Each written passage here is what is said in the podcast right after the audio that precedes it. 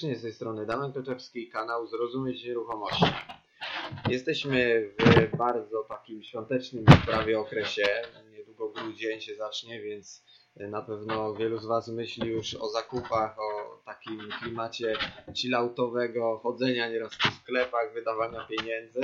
No ale wśród inwestorów e, musi cały czas panować takie myślenie, żeby te pieniądze zarabiać, e, a te, które się gdzieś tam bokiem zarobią, można przeznaczać na wydawanie, tak żeby to miało wszystko ręce i nogi.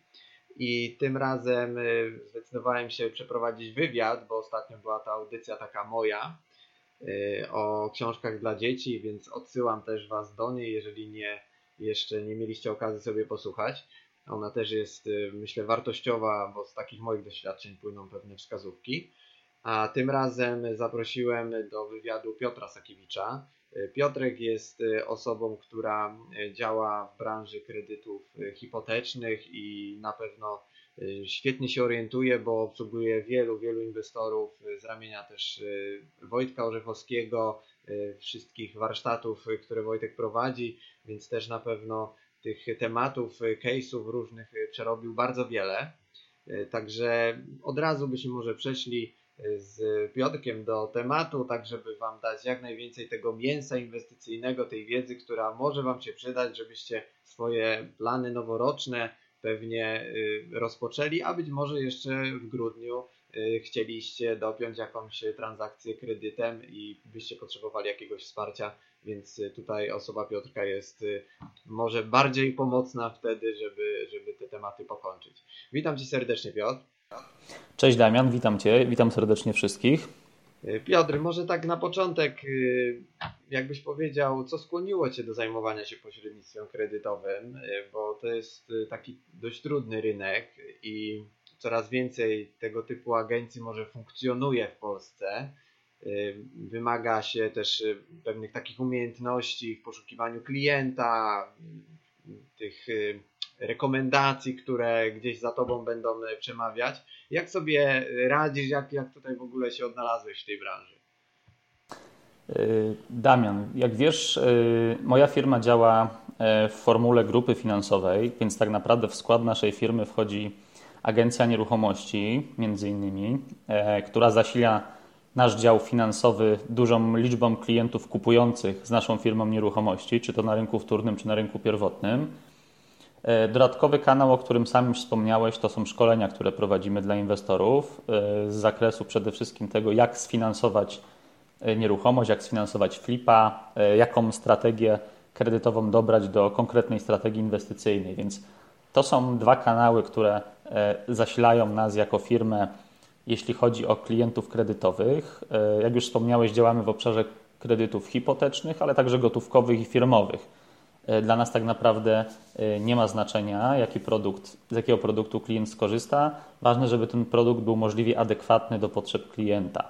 E, przyjemy tak naprawdę ten produkt na miarę, tak? czyli korelujemy różne parametry po to, żeby finalnie klient, potencjalny kredytobiorca uzyskał produkt jak najbardziej adekwatny do jego oczekiwań, ale także jego sytuacji finansowej i możliwości. Oczywiście też pracujemy na rekomendacjach, bo po E, kilku latach działania, ja w zasadzie z branżą finansową jestem związany od ponad 7 lat.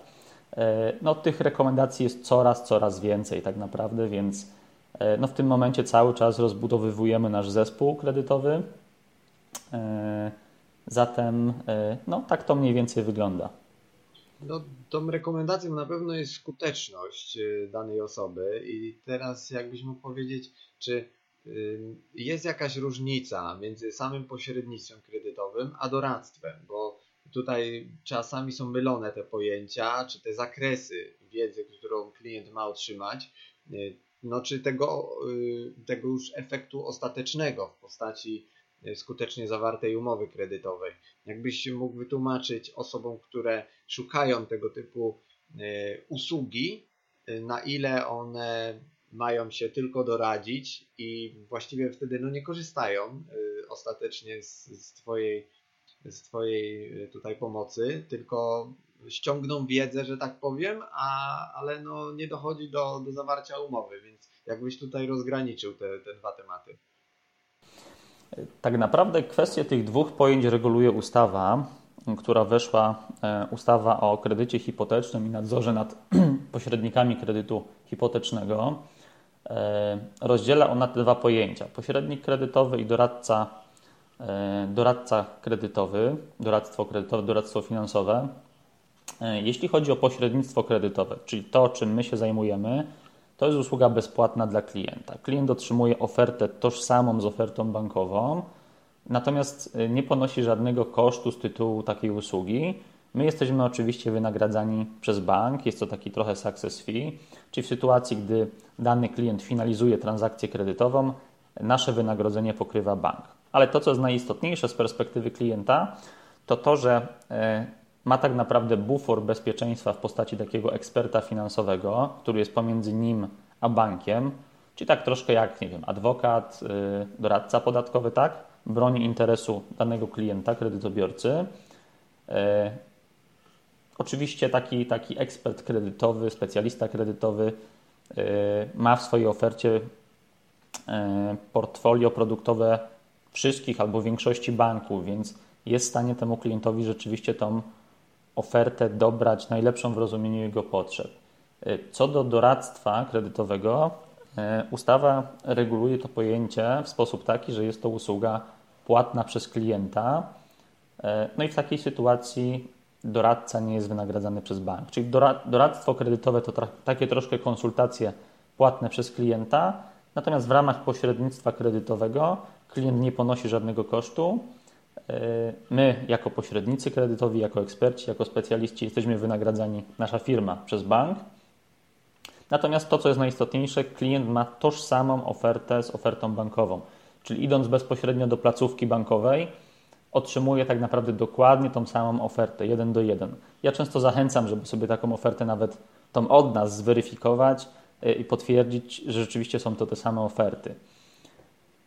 E, no to troszeczkę uprzedziłeś moje następne pytanie, bo właśnie czasami jest taki stereotyp, że jak się korzysta z kogoś w pośrednictwie, w czymkolwiek, to się za to płaci więcej. I tutaj faktycznie e, ważne jest to, że to co wspomniałeś, że, że można zweryfikować Twoją usługę, e, która jest przeradza się w ofertę dla klienta, z ofertą banku, jakby klient sam chciał spróbować, no bo czasami panuje taki stereotyp, że jak y, pójdę do doradcy, no to on y, mnie wykasuje na droższej prowizji gdzieś tam, nie? I teraz y, jakbyś może obalił ten, ten mit takiego, jeszcze może coś byś dopowiedział, ten mit właśnie tego pośrednika, który by na kliencie coś jeszcze miał zarabiać. Okej, okay. na pewno w interesie pośrednika kredytowego, czyli takiej na przykład firmy, jak nasza, y, no nie jest to, żeby jednorazowo klienta naciąć na dodatkowy koszt, tak? Mówię już tak troszkę kolokwialnie naciąć, y, bo wiadomo, że to się rodzi z negatywnymi opiniami, z brakiem rekomendacji. No, my w naszej sytuacji mamy za dużą skalę, żeby sobie móc pozwalać na coś takiego. Zresztą no, jest to działanie, uważam, kompletnie nieetyczne y, i mające bardzo krótkie nogi. Z pewnością są tacy pośrednicy, którzy tak działają, natomiast też spotkaliśmy się z sytuacją, że doradca bankowy, czyli doradca pracujący w, w banku, w bankach, e, też takie praktyki stosują. I dlaczego tak się dzieje? No bo e, może banki nie są w tym momencie już instytucjami zaufania publicznego, ale idąc do banku, sądzimy, że otrzymamy tą ofertę najlepszą, tak? No bo to jest oferta mojego banku, gdzie posiadam konto i tak dalej. No i par paradoksalnie okazuje się, i to też jest sytuacja, z którą my się spotkaliśmy namacalnie, że klient przychodził do nas poznać nasze oferty y, z ofertą już swojego banku. I oferta jego banku, y, tą, którą y, uzyskał bezpośrednio w placówce bankowej, była wyjściowo gorsza niż nasza oferta, przy założeniu, że to jest oferta dalej tego samego banku. No i często pada pytanie, to jak to jest możliwe, skoro to mają być te same oferty, tożsame, to czemu klient, idąc do swojego banku, otrzymał droższą ofertę niż u nas, tak? Cały czas mówimy o jednym banku, na przykład banku o nazwie X przykładowo. E, no i właśnie, e, skąd, skąd taka sytuacja? E, zwróć uwagę, Damian, zwróćcie uwagę, że doradcy bankowi, czyli ci pracujący w placówkach, też realizują pewne plany sprzedażowe. Zbierają punkty, też muszą jakiś tam plan zrealizować, żeby otrzymać premię, więc zdarzają się takie praktyki, z czym ja się też prywatnie nie zgadzam. Oczywiście nie jest to e, reguła, ale z takimi incydentami się spotkaliśmy, że ci doradcy bankowi doklejają klientowi jakiś dodatkowy, nie wiem, produkt, ubezpieczenie, cokolwiek. Klient tego nie podważa, bo idzie bezpośrednio do, e, do banku, więc sądzi, że skoro jest w tym takim e, miejscu, gdzie powinien tą rzeczywiście ofertę bezpośrednio dostać najlepszą, no to, to w ogóle tego nie podważa. Co do naszego wynagrodzenia, bo pytałeś Damian, jak to się dzieje, że, yy, że ta usługa nasza jest tożsama, znaczy cena naszej usługi, czyli koszt kredytu jest tożsamy z e, kosztem kredytu w banku. Przede wszystkim bank wynagradza nas za finalizację takiej transakcji kredytowej. I z perspektywy banku koszt pozyskania klienta przez taki kanał, jakim jest pośrednik, jest dużo niższy niż koszt własny pozyskania klienta. E, proszę zwrócić uwagę, że tak, bank nie musi w takiej sytuacji utrzymywać swojego pracownika, jak dostaje temat gotowy z zewnątrz od pośrednika, czyli nie musi utrzymywać swojego człowieka, swojego, swojego doradcy w banku, nie musi go wyszkolić, nie ponosi kosztu placówki, kosztu marketingu, więc tak naprawdę w tym momencie ponad 60% e, takich transakcji już odbywa się za e, pośrednictwem ekspertów kredytowych. I z perspektywy banku jest to e, dużo łatwiejszy proces, bo taki wniosek od pośrednika trafia bezpośrednio do działu analiz, czyli pomijamy tak naprawdę poniekąd pracę doradcy w placówce. Stąd bank ma pewien budżet, którym może się z tym pośrednikiem podzielić, a i tak wychodzi na tym znacznie korzystniej niż w sytuacji, gdy, e, gdyby ten klient wszedł bezpośrednio do placówki.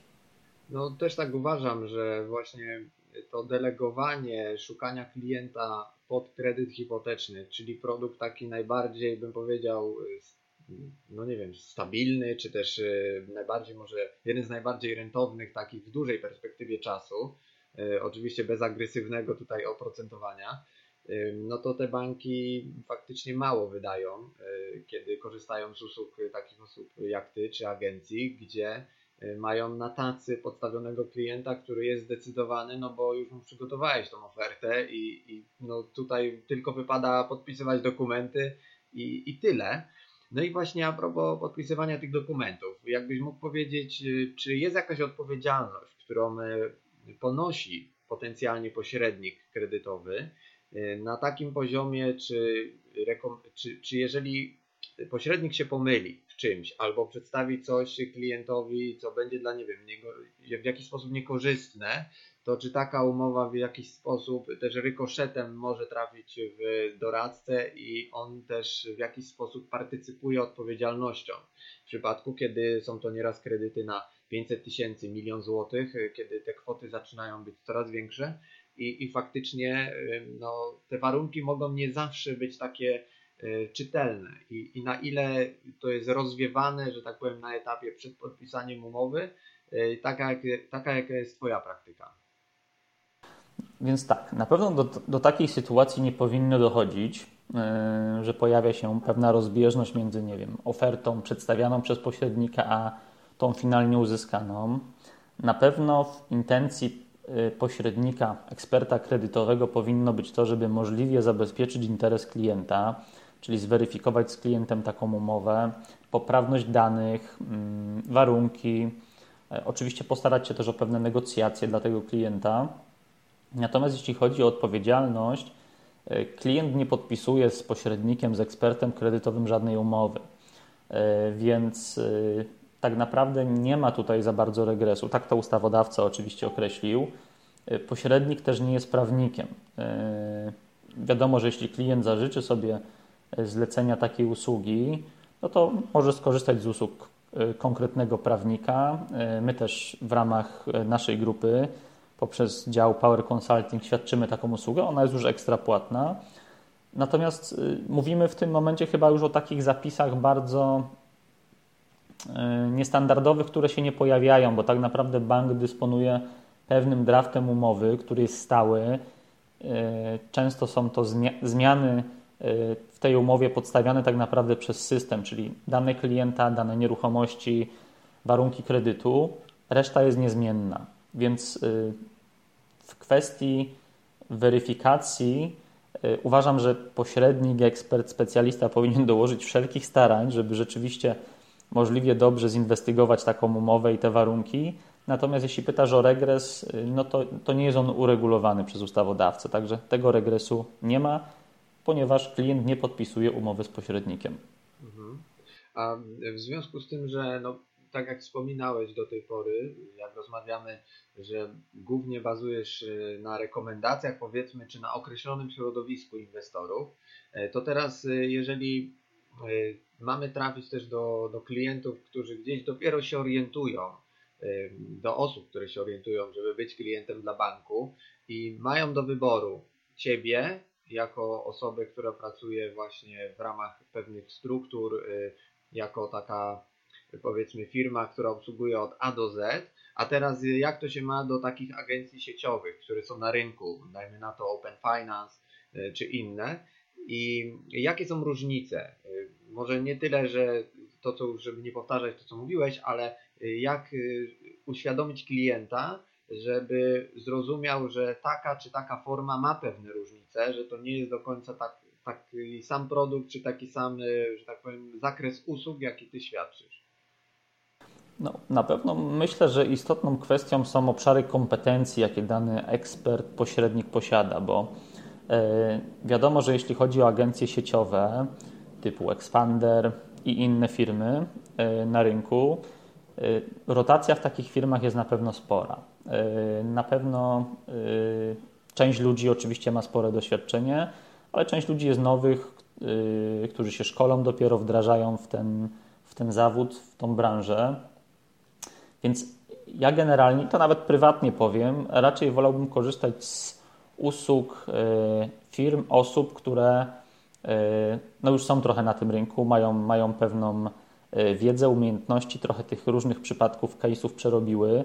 Na pewno w przypadku inwestorów nie da się stosować takiego standardowego algorytmu działania, czyli z racji tego, że te przypadki inwestorów często są bardzo nieszablonowe, no to my musimy wyjść troszkę poza schemat, tak? Często jest tak, że y, siadamy wspólnie z doradcami, robimy pewną burzę mózgów, jakie rozwiązanie zastosować. Co do sieciówek, no, nie chcę się na pewno wypowiadać źle o konkurencji, bo nie o to chodzi. Nie takie, nie takie jest założenie. Natomiast yy, myślę, że przede wszystkim warto patrzeć właśnie na te obszary kompetencji. Jeśli taka firma jak my obsługuje inwestorów, współpracuje z Wojtkiem Orzechowskim, z Wiwnem, E, jest zrzeszona w Global Investor Club, e, z Tobą Damian współpracujemy, no to myślę, że to też świadczy o fakcie, że duże grono, spore grono inwestorów nam zaufało, jest zadowolonych, no, co też, o czym świadczą też rekomendacje, polecenia, to, że część inwestorów bierze z nami w tym momencie, nie wiem, siódme, ósme finansowanie już w tym, w tym, w tym momencie, więc to myślę powinno wyznaczać kierunek wyboru odpowiedniego doradcy, tak? Doradcy, znaczy nawet nie doradcy, pośrednika w myśl, w myśl tego, o czym mówiliśmy, w myśl ustawy.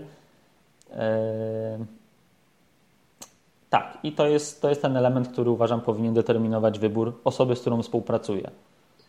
To ja może z poziomu takiego inwestora, bo tobie nie wypada, jak mówisz mówić źle o konkurencji, no to ja trochę powiem, bo dla mnie to mi to nie robi, że tak powiem, że, że powiem jakieś tam dwa, trzy słowa. Oczywiście nie będę tutaj mówił konkretnych y, firm czy nazwisk, z tym, żeby pewne uświadomienie było od strony tych różnic.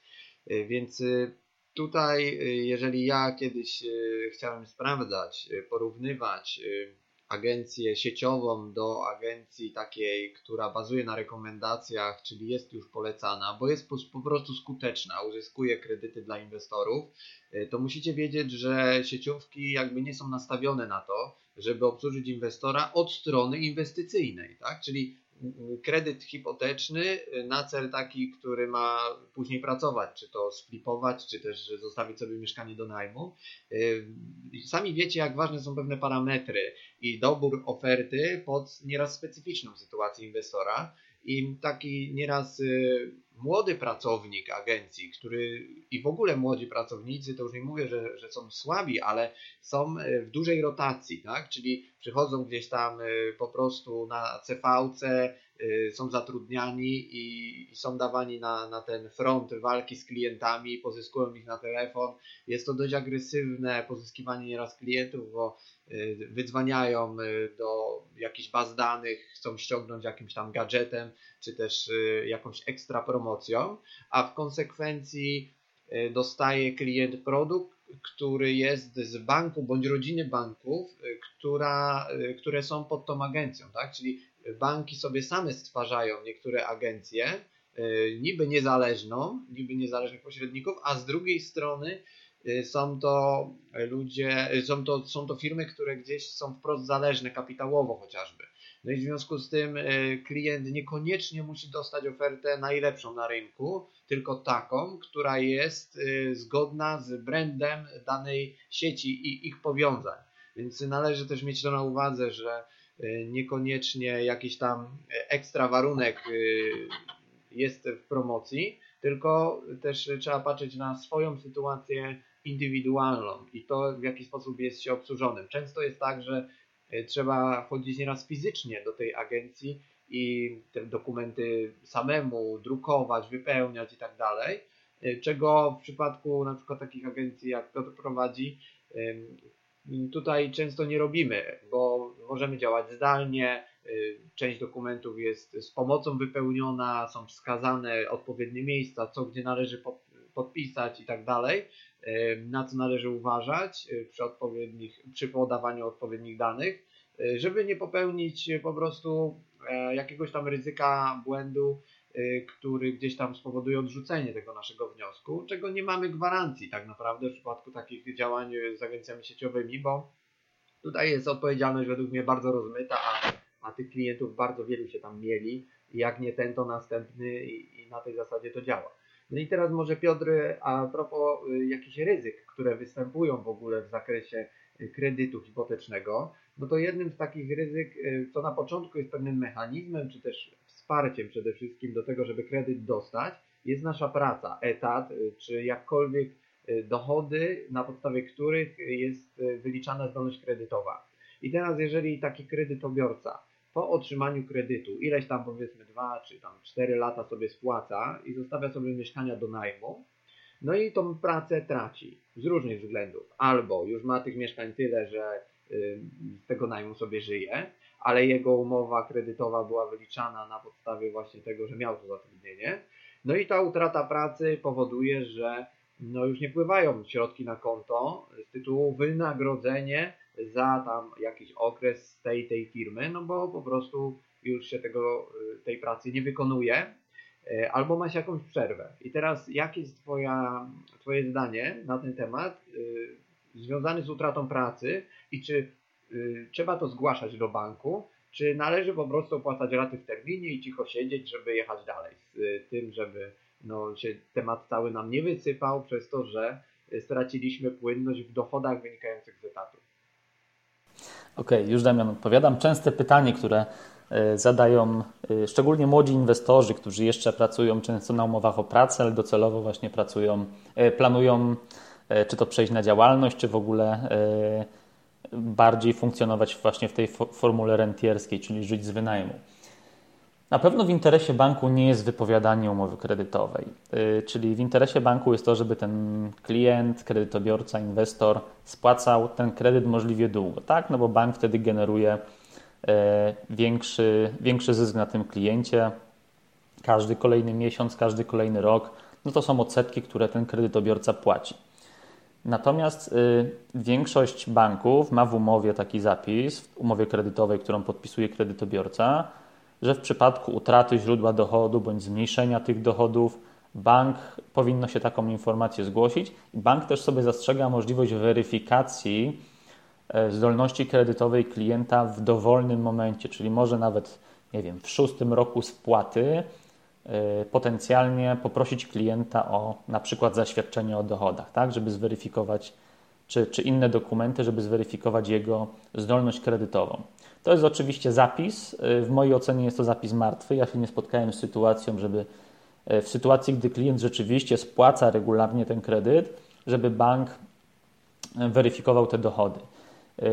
Czasem jest tak, że mamy ofertę cross-sellową, czyli mamy dodatkowe produkty, najczęściej tak w zasadzie jest, które obniżają nam warunki kredytowe, czyli mamy niższą marżę na przykład.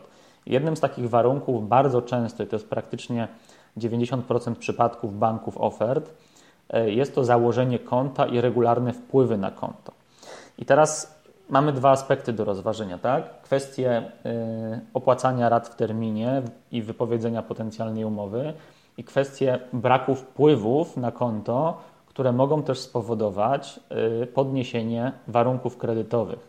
Czyli bank sobie na przykład zastrzega, że taki kredytobiorca w trakcie spłaty kredytu musi co miesiąc zasilać rachunek, y, kredyto, rachunek bankowy kwotą na przykład 2,5 tysiąca albo całością swojego wynagrodzenia.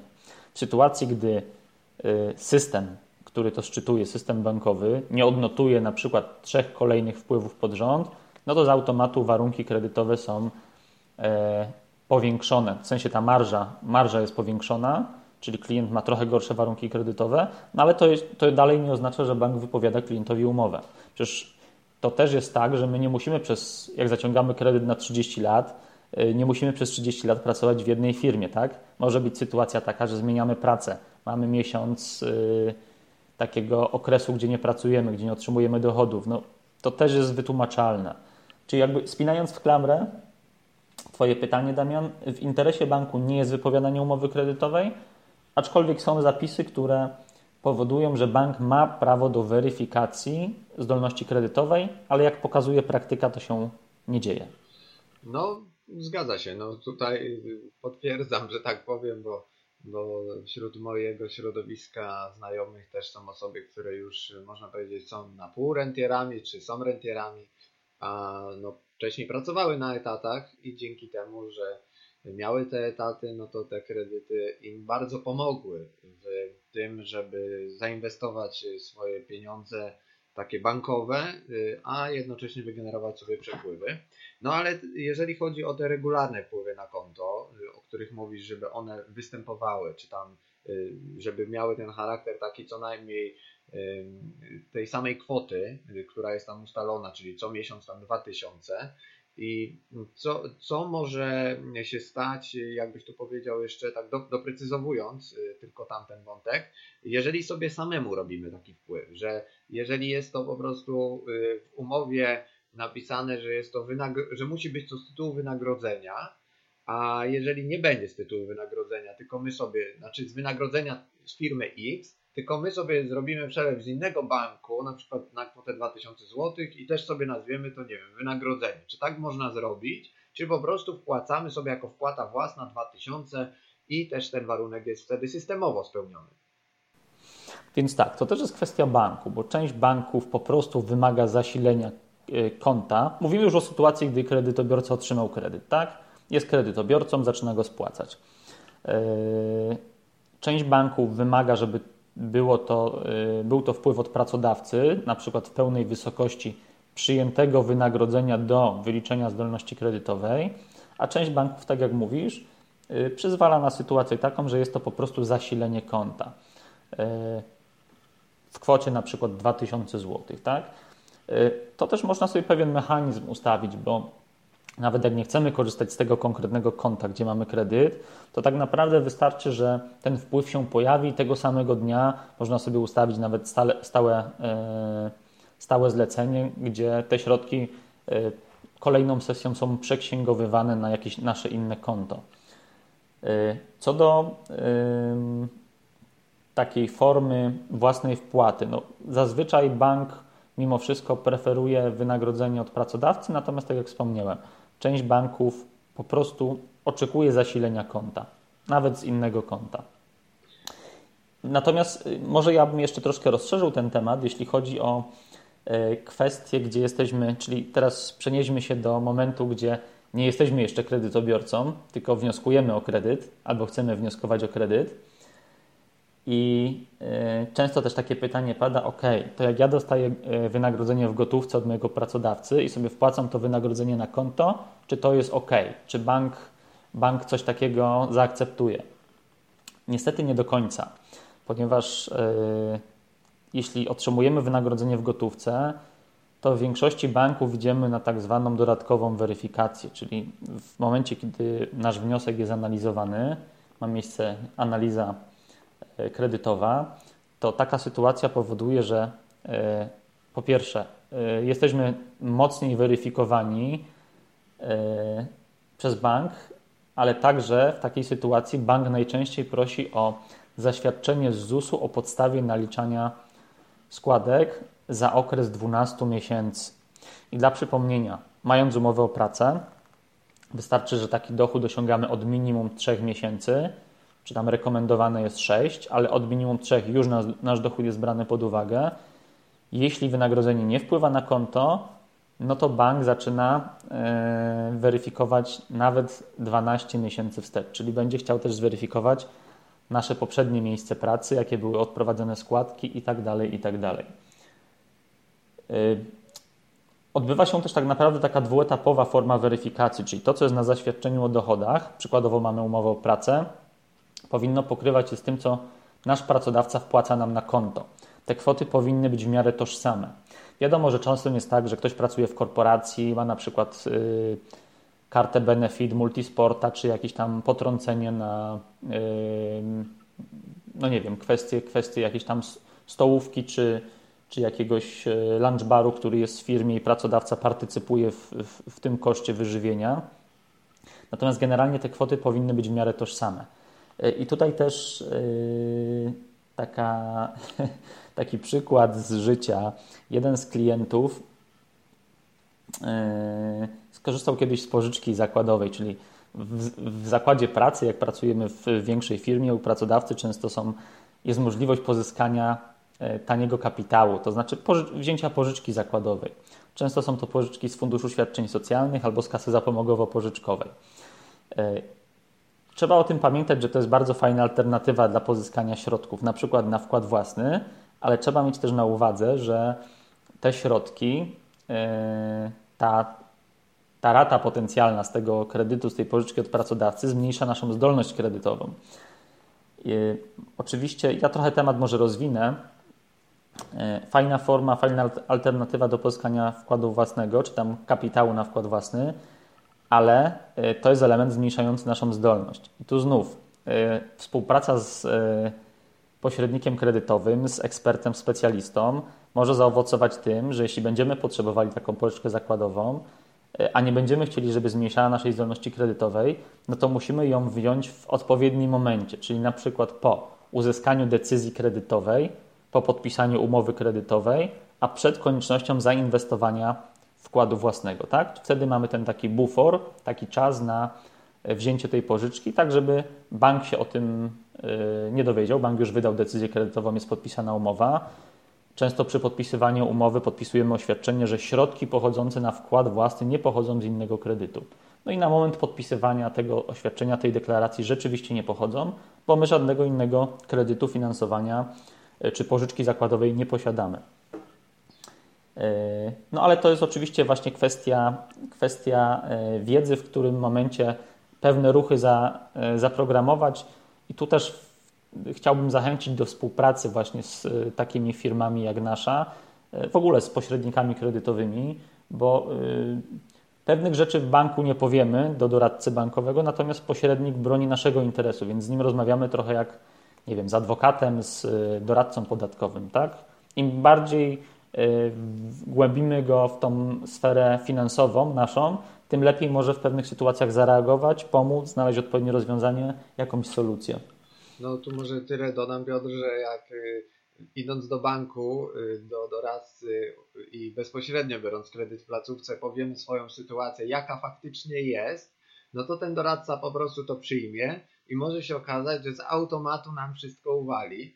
No z tego względu, że albo pewnych rzeczy nie zrozumie, albo będą to rzeczy, które mogą być źle zinterpretowane, czy też źle je gdzieś tam opisze. A w przypadku, kiedy mamy tego właśnie pośrednika z informacją w postaci na przykład ciebie, no to ty przyjmiesz te informacje, odpowiednio je y, przemyślisz i dostosujesz wariant w jaki sposób ten kredyt wziąć, żeby no, nie podać siebie na tacy, że tak powiem, bez żadnych narzędzi takich, które y, będą miały doprowadzić finalnie do zawarcia tej umowy. A powiedz jeszcze może y, ten najgorszy scenariusz, jaki się może wydarzyć w przypadku, kiedy już kredyt wzięliśmy, spłacamy go, to kiedy bank może realnie nam umowę wypowiedzieć? Czy w ogóle jest jakaś taka sytuacja, z którą się spotkałeś, że faktycznie bank wypowiada umowę, bo y, ma ku temu przesłanki, albo opłaca się to bankowi y, wypowiedzenie tej umowy, no bo mogą się jeszcze na przykład jakieś inne, y, dużo większe straty pojawić w przypadku, kiedy by tej umowy na przykład nie wypowiadał. Na pewno przesłanką do wypowiedzenia umowy będzie brak spłaty kredytu. Tak? tak jak mówiłem, w interesie banku nie jest wypowiadanie umowy, natomiast w sytuacji, gdy kredytobiorca nie spłaca kredytu, ma miejsce czy to jakaś windykacja, yy, czy ma miejsce propozycja jakiejś ugody. I tutaj ze strony klienta, kredytobiorcy, no nie ma za bardzo akcesu co do współpracy z bankiem, no to rzeczywiście albo ta, ta, taki kredyt jest windykowany, ta wierzytelność banku, Zastanawiam się jeszcze właśnie nad taką sytuacją, gdy bo jeden z zapisów y, umowy kredytowej informuje nas o tym, że bank ma możliwość również na każdym etapie spłaty kredytu weryfikacji wartości nieruchomości. W sytuacji, gdyby ta wartość nieruchomości spadła poniżej danego pułapu, y, czyli załóżmy no nie wiem, bank weryfikuje sobie nieruchomość i okazuje się, że wartość kredytu e, przekracza 90% wartości nieruchomości z racji tego, że wartość tej nieruchomości spadła. Nie wiem z jakiego względu, nawet staram się sobie wyobrazić, bo nie mam na myśli w tym momencie jakiegoś kryzysu finansowego, tylko no po prostu, nie wiem, uległa dewastacji, spaleniu, klient tego nie zgłosił, tak? Ale skąd bank może to wiedzieć, powiedz? No, teoretycznie bank się o, ta, o, o, o czymś takim nie dowie. Nie powinien się dowiedzieć. Ciężko mi sobie wyobrazić sytuację, w której mógłby się bank, bank no mógłby taką informację dostać zwyczajnie. Natomiast, tak jak mówię, bank yy, ma możliwość weryfikacji tejże wartości nieruchomości. No i znów, praktyka pokazuje, że tak się nie dzieje, ale gdyby doszło do takiej weryfikacji i okazało się, że ta wartość nieruchomości spadła, no to bank może nam e, zaproponować, że ok, w tej sytuacji e, kwota kredytu na przykład stanowi ponad 100% wartości nieruchomości, co nie jest zgodne z regulacjami banku, więc bank zaproponuje, żeby klient przedstawił inną, drugą nieruchomość dodatkową pod zabezpieczenie, tak, na której bank będzie mógł także w czwartym dziale księgi wieczystej wpisać hipotekę, czyli ograniczone prawo rzeczowe. Natomiast jeśli klient odmówi i nie wiem, e, powie, że nie, nie ma takiej możliwości, no to wtedy to już są indywidualne warunki. Czy bank e, wypowiada umowę i stawia ją w stan wymagalności i wtedy klient ma 30 dni na zwrot, zwrot środków, e, czy dochodzi do jakiejś ugody, są pewne pertraktacje, negocjacje i jakiś tam konsensus między bankiem a klientem jest, jest wypracowany. Y, tu a propos utraty wartości nieruchomości i właśnie tej ponownej weryfikacji, to mogę Wam tyle podpowiedzieć, y, jako taki jeden z y, niuansów, który może wystąpić, że skąd bank się może dowiedzieć? Według mnie może dowiedzieć z tego względu, że jeżeli mamy obowiązkową polisę tej nieruchomości w towarzystwie ubezpieczeniowym i na przykład będzie pożar w budynku, czy w mieszkaniu, bądź wybuchnie butla z gazem, czy też kompleksowo zostanie cały lokal zalany bardzo mocno, no to y, bank się o tym dowie, no bo w tym momencie y, uruchamiamy polisę, z której, w której bank ma cesję na siebie, tak? Więc w tym momencie y, Towarzystwo Ubezpieczeniowe informuje przynajmniej z kwotą, która wpływa do banku, no bo nie jest ona wypłacana nam, tylko wypłacana jest do banku. No i wtedy no, bank może Y, w jakiś sposób zareagować. Czy tutaj dobrze myślę, Piotr? Zgadza się, Damian. No, fajnie, że, że wyłapałeś tą sytuację. Rzeczywiście każda e, nieruchomość, która jest przedmiotem hipoteki, drugą formą zabezpieczenia dla banku jest y, uposażenie z polisy od ognia innych zdarzeń losowych. No i rzeczywiście w sytuacji, gdyby z tą nieruchomością coś się wydarzyło, my zgłaszamy to do ubezpieczyciela, e, no to taka informacja najprawdopodobniej do banku również dotrze. No i tu rozwiązaniem jest na przykład druga polisa na nas, już nie bez sesji bankowej. No mnożymy sobie wtedy koszty, ale jeżeli chcemy uniknąć ryzyka takiego, że bank może nam weryfikować e, właśnie naszą umowę poprzez to, czy ta nieruchomość ma tą wartość, co ma, i, i uniknąć tego ryzyka wypowiedzenia, że bank się nie dowie, no to z drugiej polisy korzystamy. Y, no z tym, że wtedy dwa razy opłacamy składkę i trzeba pamiętać, że korzystamy z jednej polisy, a nie z dwóch naraz w przypadku likwidacji, bo zawsze jest tak, że y, nie można nawet mając dwóch różnych ubezpieczeniowych korzystać dwa razy na tą samą szkodę, bo jest system y, komputerowy, który to wszystko zabezpiecza, więc my nie możemy tutaj, że tak powiem, wyłudzać z polisy nic. Y, więc no jest to w jakiś sposób rozwiązanie, które gdzieś y, może i szybciej pozwoli też y, zlikwidować daną szkodę. No bo umówmy się, że jak na przykład najemca Wam zaleje mieszkanie, no to on gdzieś tam podkłada swoją polisę. Jeżeli wina jest po Waszej stronie, no to w tym momencie tam likwidacja szkody na poziomie tam powiedzmy, nie wiem, od 1000 do 5000 złotych, czy sąsiadom trzeba coś zrekompensować, no to czasami ta druga polisa na małą kwotę ubezpieczenia nie generuje jakiejś dużej składki, a zdecydowanie usprawnia załatwienie całego, całej procedury e, usunięcia szkody, no a też bank o niczym wtedy nie wie. Zgadza się Damian, to ja wejdę jeszcze w słowo i uzupełnię, pozwolisz. E, to, co mówisz, rzeczywiście może być fajnym rozwiązaniem, tylko z drugiej strony pytanie, na ile są to częste sytuacje, bo, bo takie sytuacje są na tyle incydentalne, oczywiście fajnie się zabezpieczać pod każdym możliwym aspektem, tylko pytanie, y, żeby to nie była troszkę skórka za wyprawkę, tak? Czyli żeby osiągnąć kompromis między y, tą naszą, tym naszym inwestowaniem w zabezpieczeniu naszej nieruchomości, czyli tym drugim ubezpieczeniem równoległym, a szansą na to, że rzeczywiście taka nieruchomość na przykład, no nie wiem, spłonie przykładowo, tak? To są naprawdę rzadkie sytuacje. No też pytanie, jaka jest to nieruchomość? Czy to jest y, mieszkanie w nowym budownictwie, czy jakaś yy, powiedzmy yy, mieszkanie w jakiejś tam, nie wiem, yy, starej kamienicy, gdzie ta szansa na, na, na taki wybuch, przykładowo, gdzie są, nie wiem, stare instalacje, jest dużo, dużo większa, tak? No to myślę, że już trzeba sobie indywidualnie do, do tego zagadnienia podejść. No dokładnie. Myślę podobnie do Ciebie, że właśnie to nieruchomość będzie decydować o stopniu ryzyka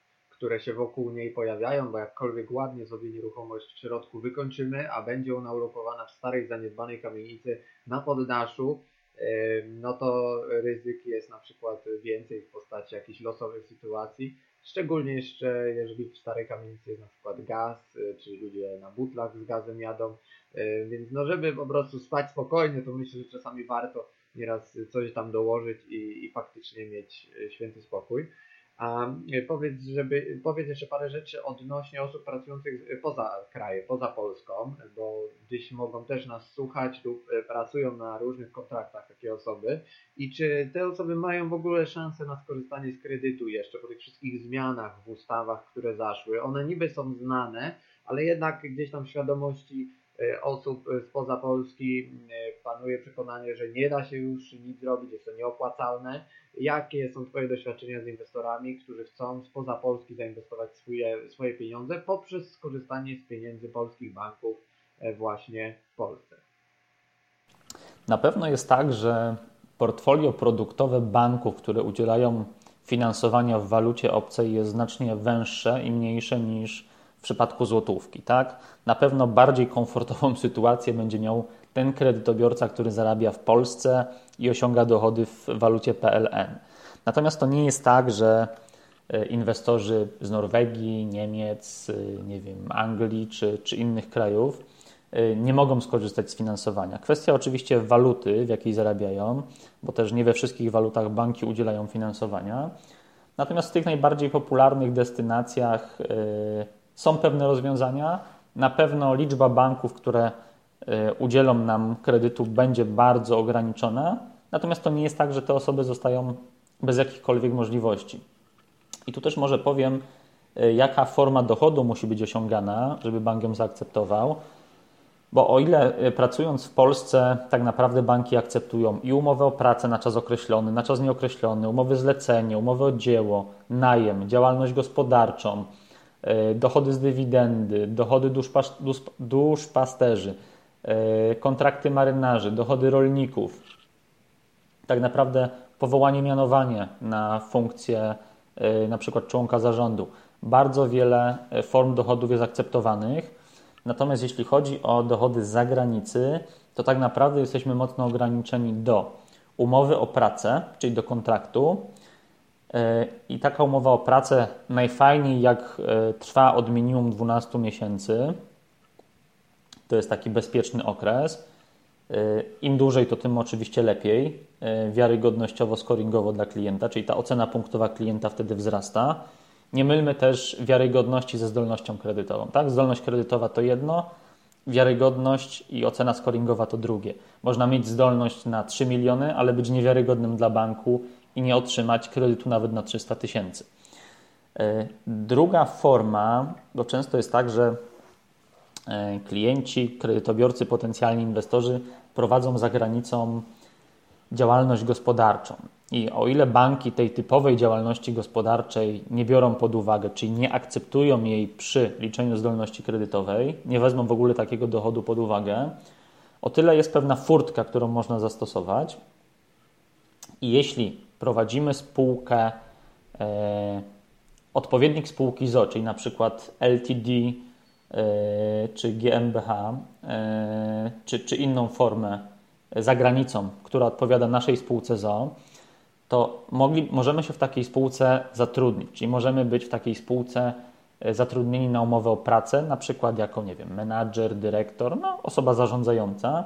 I w takiej sytuacji będzie to traktowane jako typowa umowa o pracę, czyli znów mamy możliwość wnioskowania o kredyt, nawet jeśli prowadzimy de facto działalność gospodarczą, no ale mamy przy okazji takie zatrudnienie w tej naszej własnej firmie. Y, jeśli chodzi o inne formy osiągania dochodu, za granicą niestety nie są one akceptowane. Był jeszcze moment kiedyś, że y, dwa banki akceptowały działalność gospodarczą. Y, na przykład Deutsche Bank kiedyś akceptował działalność gospodarczą prowadzoną w Niemczech, no ale, ale po pierwsze już, już nie akceptuje, a po drugie w tym momencie został wchłonięty w struktury Santander Banku. No tak, zmieniają się też procedury i możliwości wyliczania tych opcji, które są dla klientów specyficznych, zarabiających w innej walucie, więc no, trzeba mieć to na uwadze, że nie każda forma zatrudnienia, czy też szczególnie zmiana waluty będzie tutaj korzystna, jeżeli chce się wziąć kredyt w Polsce.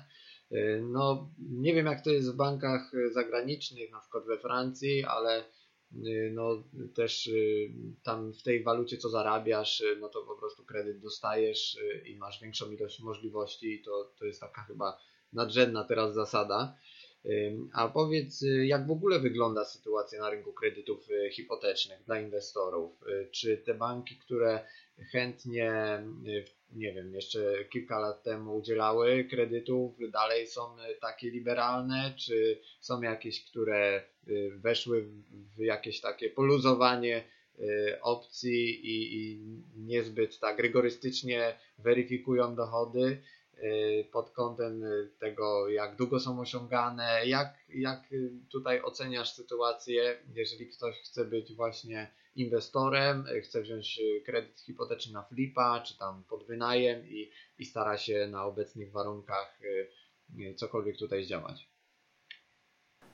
Więc tak, na pewno jeśli podchodzimy do zagadnienia czysto inwestycyjnie, czyli właśnie naszą strategią jest albo flipping, albo y, zakup nieruchomości, którą będziemy później wynajmować, y, no to najprostszą formą pozyskania y, kapitału, czyli tym narzędziem najbardziej takim dostępnym, gdzie nie musimy spełniać żadnych dodatkowych kryteriów, jest rzeczywiście kredyt hipoteczny. Natomiast nie jest to produkt absolutnie najlepszy dla każdego. Jak klient prowadzi działalność gospodarczą już, nie wiem, 2, 3, 5, 10 lat, to być może bardziej korzystnym produktem dla niego będzie kredyt obrotowy, jeśli mówimy o flipie, tak? Czyli pozyskuje kapitał, na przykład 300 tysięcy, ma tak naprawdę cash w ręce, więc ma też lepsze możliwości negocjacyjne, nie musi czekać na przyznanie takiego kredytu hipotecznego nawet półtorej miesiąca czasem. E, kupuje nieruchomość, remontuje, sprzedaje, środki wracają do niego, nie spłaca kredytu, tylko reinwestuje e, te środki na nowo e, żeby, żeby osiągnąć kolejny, kolejny zysk. E, co do sytuacji, więc ja zalecam, żeby korzystać z finansowania, które jest najbardziej adekwatne do naszych oczekiwań, ale też naszych możliwości finansowych. Czy ciężko jest uzyskać kredyt? Pytałeś, Damian. No, powiem bardzo ogólnie, to zależy od sytuacji. To nie jest tak, że w tym momencie banki bardzo podkręciły zdolność i jest to praktycznie nieosiągalne. E, na pewno inwestorom, którzy nie prowadzą działalności i poza zdolnością kredytową nie spełniają innych warunków, które powodują, że mogliby e, wnioskować o inną formę kredytów. Kredyt hipoteczny jest kredytem po pierwsze najtańszym, bo jest kredytem w założeniu na zaspokojenie własnych potrzeb mieszkaniowych, kredytem, przy którym jest najlepiej liczona zdolność, ponieważ można go zaciągnąć nawet na 30, 30 parę lat, nawet i 40 w niektórych bankach. Ma dużą przyznawalność, yy, najlepsze warunki, które też się przekładają na zdolność, no bo bank yy, liczy naszą zdolność w oparciu o prognozowaną wysokość raty, a ta rata jest wyliczana też na podstawie oprocentowania kredytu. Więc kredyt hipoteczny dla inwestora tak. Yy, pytanie, jaka jest strategia inwestycyjna, czy flipping, czy wynajem. Fajnym produktem jest także pożyczka hipoteczna, jeśli ktoś planuje flipować mieszkaniami, bo również pożyczamy, trochę jak przy kredycie obrotowym, pożyczamy środki na cel, yy, no powiedzmy dowolny, tak, pod zabezpieczenie hipoteczne, czyli musimy też mieć inną wolną nieruchomość pod zabezpieczenie. To może być nasza nieruchomość, ale też może być nieruchomość osoby trzeciej, w stosunku do której nie występuje żaden zakres pokrewieństwa. Tu też banki mają dość dużą dowolność i wtedy znów pozyskujemy kredyt na e, cel e, no, dowolny, ale w założeniu e, ten kredyt wykorzystujemy na zakup nieruchomości, remont, no i potem sprzedając nie spłacamy kredytu, środki wracają do nas, na nowo reinwestujemy. Przy kredycie hipotecznym tą niedogodnością może być to, że każdorazowo każda nasza kolejna nieruchomość pod flipa to jest kolejny kredyt hipoteczny, jeśli myślimy o zakupie nieruchomości na wynajem, no to zdecydowanie kredyt hipoteczny. Najniżej oprocentowany, najlepiej liczona zdolność, zatem jesteśmy w stanie i najdłuższy okres, zatem jesteśmy w stanie generować największą nadwyżkę wynikającą z różnicy między y, czynszem najmu a ratą, jaką płacimy. Tak? Czyli to nasze, y, ta nasza stopa zwrotu z zainwestowanego kapitału y, jest y, najwyższa. No i tu oczywiście założenie jest takie, że inwestujemy jak najmniej, czyli to 10%, które banki wymagają w tym momencie. Piotr, jeszcze może dopytam Ciebie o marże kredytów hipotecznych i jakbyś mógł powiedzieć, w jakiej skali od do mniej więcej się teraz kształtuje rynek, tak żeby słuchaczom naświetlić, jakie są możliwości, w jakiej wysokości jest mniej więcej WIBOR i czy masz jakieś takie przesłanki ku temu, że WIBOR może wzrosnąć w jakimś tam powiedzmy w okresie roku, dwóch, no bo oczywiście ciężko jest to wszystko przewidzieć, ale może jakieś takie y, są prognozy rynkowe, że, że za chwilę możemy się spodziewać wzrost stóp procentowych w tym wyboru. I właśnie y, a propos samej marży, czy można ją negocjować z bankiem, czy warto w ogóle, jeżeli jest taka możliwość? Jakie tutaj są opcje? No to tak, to rzeczywiście, tak jak już y, zauważyłeś, Damian, oprocentowanie składa się z dwóch elementów. Jest to WIBOR, czyli element, na który nie mamy do końca wpływu. Jest on ustalany przez Radę Polityki Pieniężnej i w zależności od tego, czy bank korzysta z WIBORu 3-miesięcznego czy 6-miesięcznego, no to nasza rata będzie się co te 3 lub 6 miesięcy zmieniać. I co do WIBORu, yy, pytałeś o to, o jego wysokość aktualną. Yy, no w tym momencie, tak patrząc historycznie, jest on na bardzo niskim poziomie, chyba jednym z najniższych najniższym, więc y, oczywiście istnieje zawsze ryzyko, że ten WIBOR będzie wzrastał, tak? Y, patrząc na okres 6-7 y, lat wstecz, rzeczywiście był on dużo wyższy, powyżej 5%. Natomiast myślę, że rządy, nie chciałbym też prorokować, bo to, to jest troszkę myślę, że jak z giełdą, e, z walutami, z Forexem, no, mając tą wiedzę pewnie można by ją było wykorzystać i na tym, na tym zarabiać, tak? Więc nie chciałbym absolutnie prorokować, natomiast patrząc na tendencje europejskie, na to, że yy, czy Euribor, czy Libor są na bardzo niskim poziomie utrzymywane, no bo to też napędza gospodarkę, bo jeśli poprzez niższe oprocentowanie jest lepiej liczona zdolność, ludzie chętnie korzystają z finansowania, no to wiadomo, że i deweloperzy budują więcej, bo mają dla kogo budować. No więc cała, cała, cała jakby gospodarka się w ten sposób napędza. No to pytanie, jak rządy e, będą do tego podchodziły. No wydaje mi się, że nie powinno być jakichś drastycznych wzrostów, aczkolwiek zapewne pewna korekta wystąpi. No, nie chciałbym e, na pewno miarodajnie zabierać głosu w tej, w tej sprawie. To są jakieś tam, powiedzmy, może moje przemyślenia czy, czy obserwacje. Co do marży, o którą Damian pytałeś, co do marży, y, działa to w ten sposób, że większość banków stosuje tak zwany cross-sell, o którym już wcześniej mówiłem, czyli tak zwaną sprzedaż wiązaną. Jeśli klient, czyli klient ma do wyboru często dwie, trzy oferty w ramach danego banku. Najczęściej jest to oferta standardowa, gdzie klient nie musi skorzystać z żadnych dodatkowych produktów i na przykład otrzymuje marży na poziomie przykładowo 2,5%. Natomiast jeśli skorzysta z założenia konta i na przykład karty kredytowej, no to bank obniża mu marżę o y, przykładowo 0,3%, y, a jeśli na przykład jeszcze zobliguje się do regularnego zasilania tego konta z tytułu wynagrodzenia, no to jeszcze o dodatkowe 0,2%. Czyli tak naprawdę spełniając ten warunek posiadania konta, karty kredytowej i zasilania tego konta wynagrodzeniem od pracodawcy, jesteśmy sobie w stanie obniżyć nasze oprocentowanie na przykładzie jednego z banków nawet o 0,5%. To jest sporo.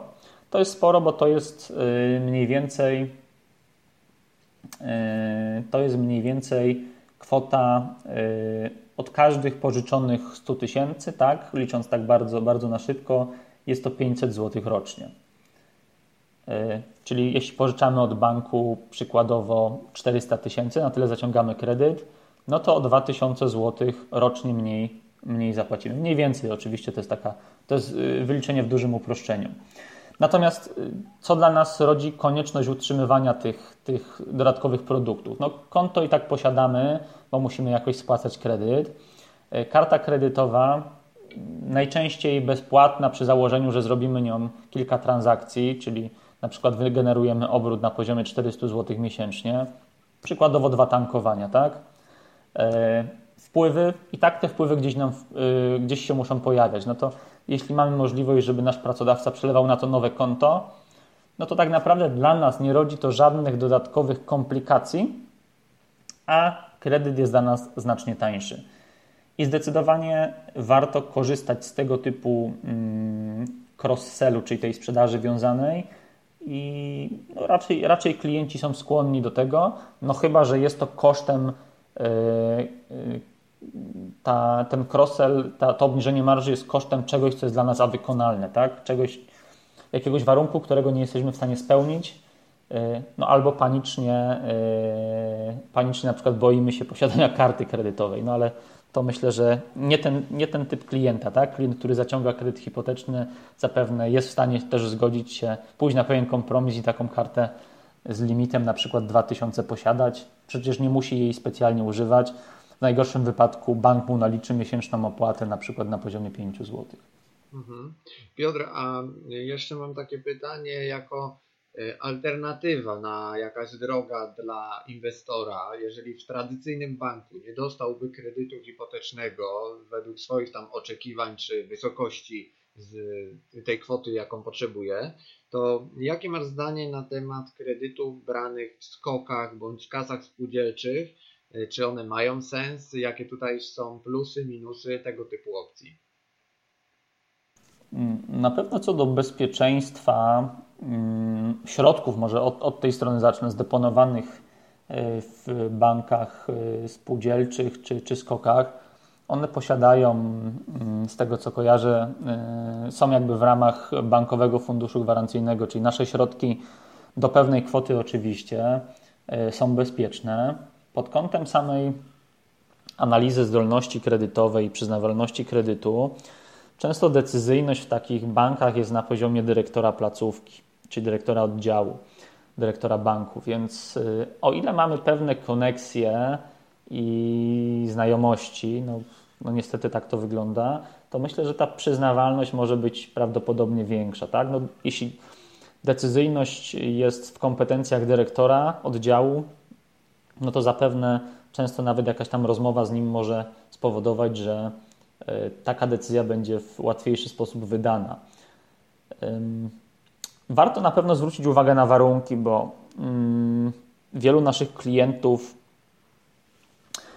e, przychodziło do nas z ofertami banków spółdzielczych i to, co bank oferował na początku, a to, co finalnie pojawiało się na umowie, to były zupełnie odmienne warunki i często są absolutnie oderwane od rzeczywistości te warunki. Dla przykładu y, oprocentowanie kredytu hipotecznego na poziomie prawie 10%, y, no to jest y, ponad dwukrotnie tyle, a czasem prawie trzykrotnie tyle, ile oferują typowe banki komercyjne, z którymi, z którymi te najbardziej znane, z którymi mamy styczność, więc w pewnym aspekcie może nam pomóc wnioskowanie w takim e, banku spółdzielczym czy, czy skoku, natomiast e, często jest to kosztem właśnie znacznie gorszych, gorszych warunków. Ale pytając, czy warto próbować, uważam, że warto, warto zawsze też negocjować. Tak? W myśl tej zasady myślę, że e, czy to w banku typowym komercyjnym, czy spółdzielczym, warto się rozeznać. No, nasze doświadczenie raczej jest takie, że my, my z tymi bankami jakiejś bliższej współpracy nie mamy ale to ze względu powiedzmy na to, że e, cenimy sobie też jakoś naszą wiarygodność i no jednak e, tam te decyzje są podejmowane no na innym szczeblu przez inne osoby. E, nie ma jakiejś takiej bardzo, w mojej ocenie, jednolitej polityki. Mhm.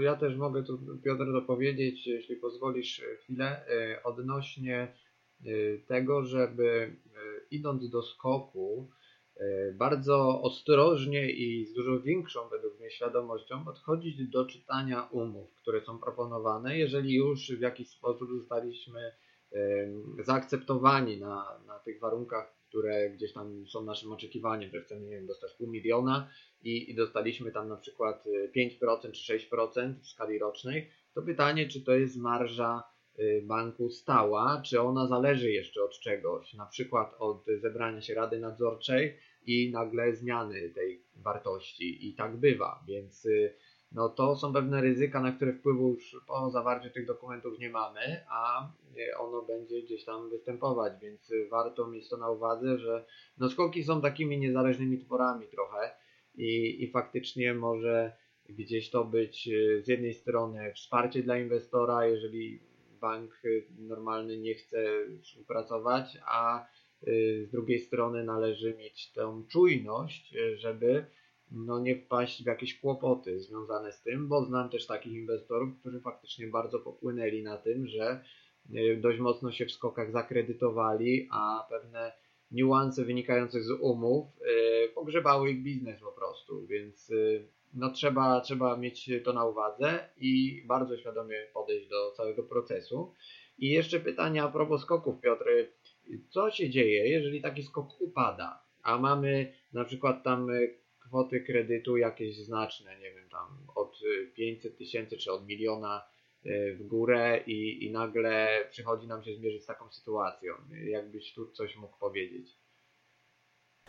Pytanie, czy ten upadek polega na przejęciu przez inną instytucję, czy, czy jest to po prostu typowy upadek, bo najczęściej na rynku mimo wszystko w sytuacjach niewypłacalności pewnych instytucji mamy do czynienia zazwyczaj z, no, z przejęciami, tak? więc prawdopodobnie y, nasz y, dług zostanie przejęty przez, przez nową instytucję. Warunki, jakie.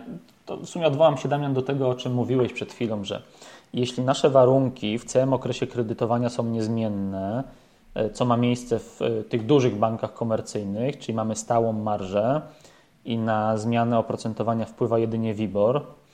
E, no i to jest ten najczęstszy przypadek, tak? gdzie mamy zastosowane oprocentowanie zmienne, ono jest zmienne właśnie poprzez, poprzez WIBOR. No to jak mamy stałą marżę, no to nie powinno się nic dziać. Natomiast w sytuacji, gdy decyzyjność co do warunków oprocentowania jest w gestii Rady Nadzorczej, która się zbiera, nie wiem, raz na rok, raz na jakiś czas, no to tak jak już powiedziałeś, w zasadzie zgadzam się z tym absolutnie. Może być tak, że nasze warunki, mimo przejęcia przez nową instytucję, albo właśnie ze względu na przejęcie przez nową instytucję, ulegną zmianie.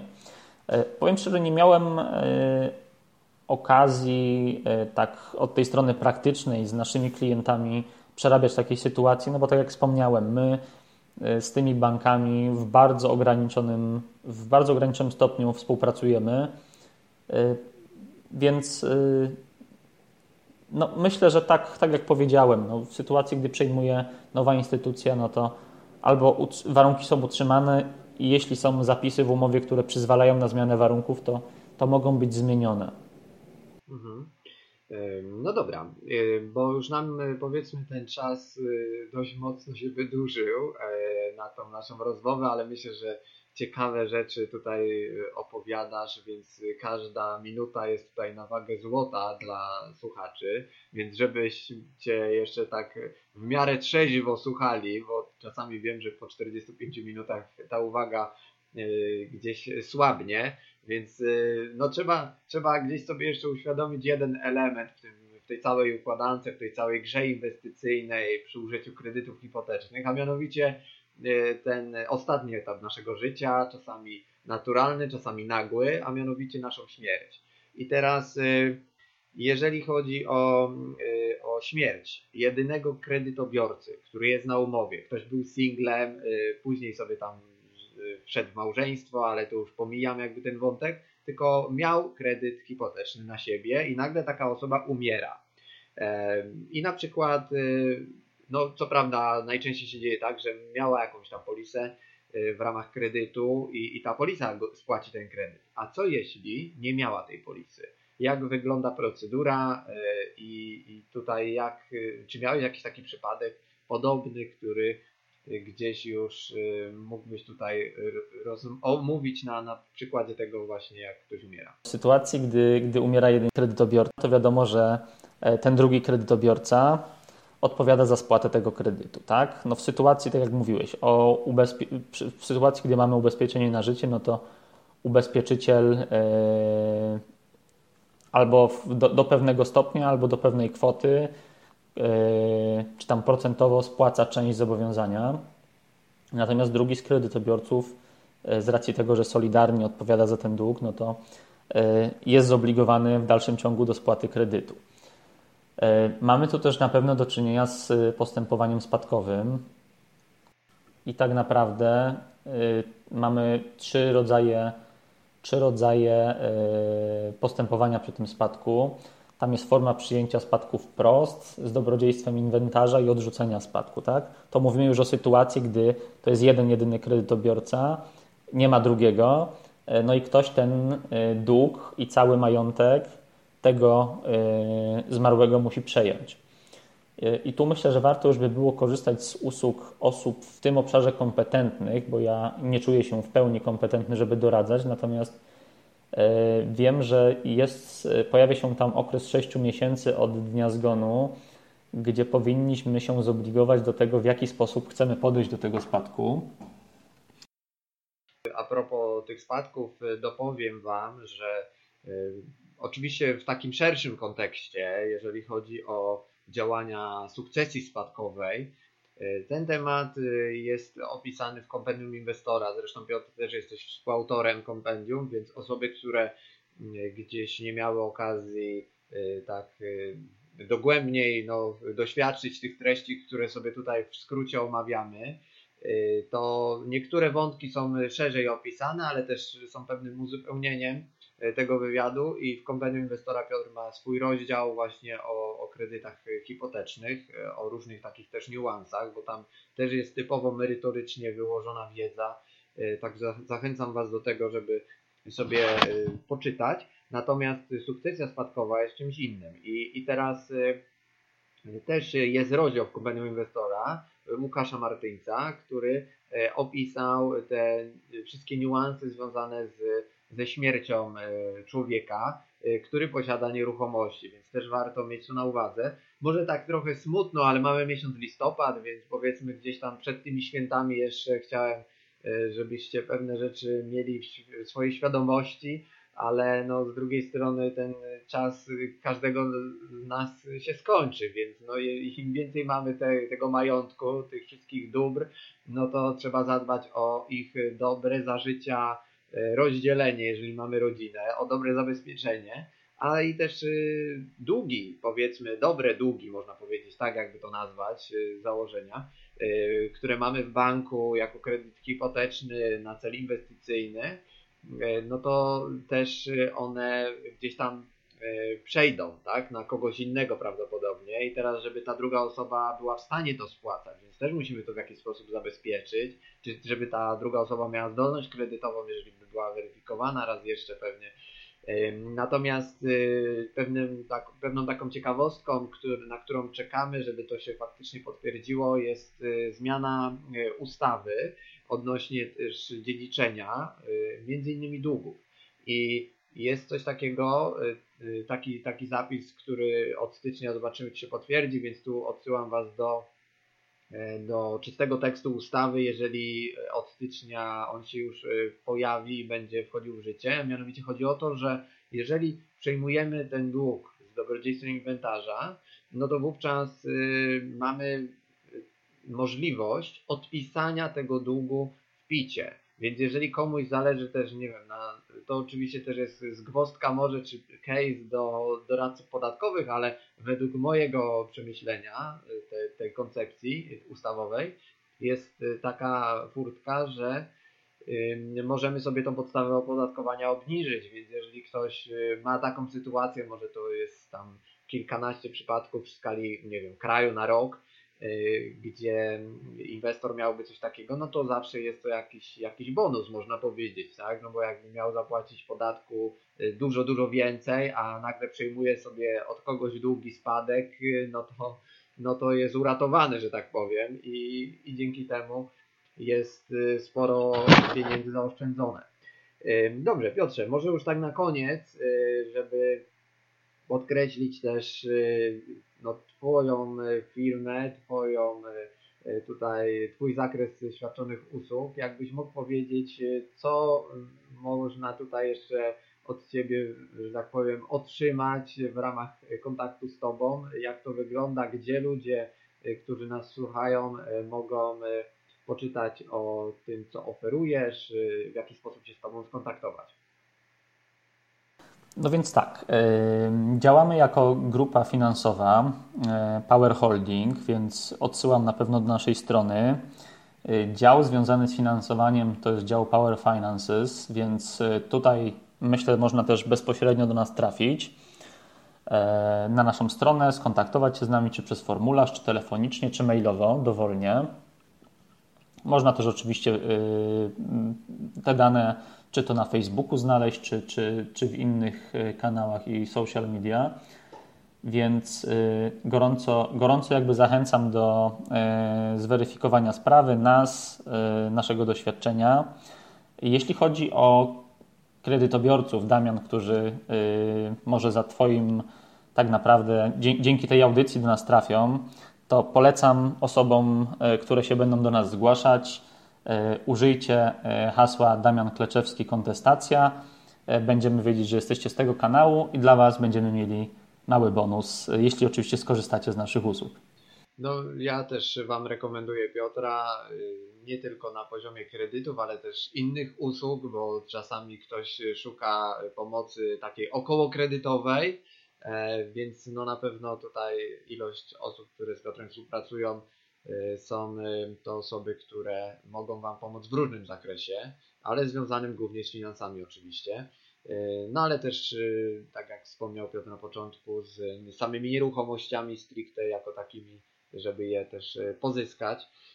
Więc ja Ci Piotr dziękuję za całą tą wiedzę, którą przekazałeś, że to jest takie nie tylko ABC, ale już może trochę wyżej, że mówiłeś o pewnych takich niuansach, podpowiedziach, jak y, pewne rzeczy z bankiem załatwić i to jest y, na pewno cenne doświadczenie, którym się dzielisz, że no, osoby, które mogą y, chcieć sobie życie ułatwić, mogą to zrobić korzystając z usług takich właśnie jak Twoje. Także dziękuję Ci jeszcze raz za uwagę a za, za cały ten, za całe to dzielenie się wiedzą. A Wam za uwagę i do następnych audycji. Trzymajcie się, pozdrawiam.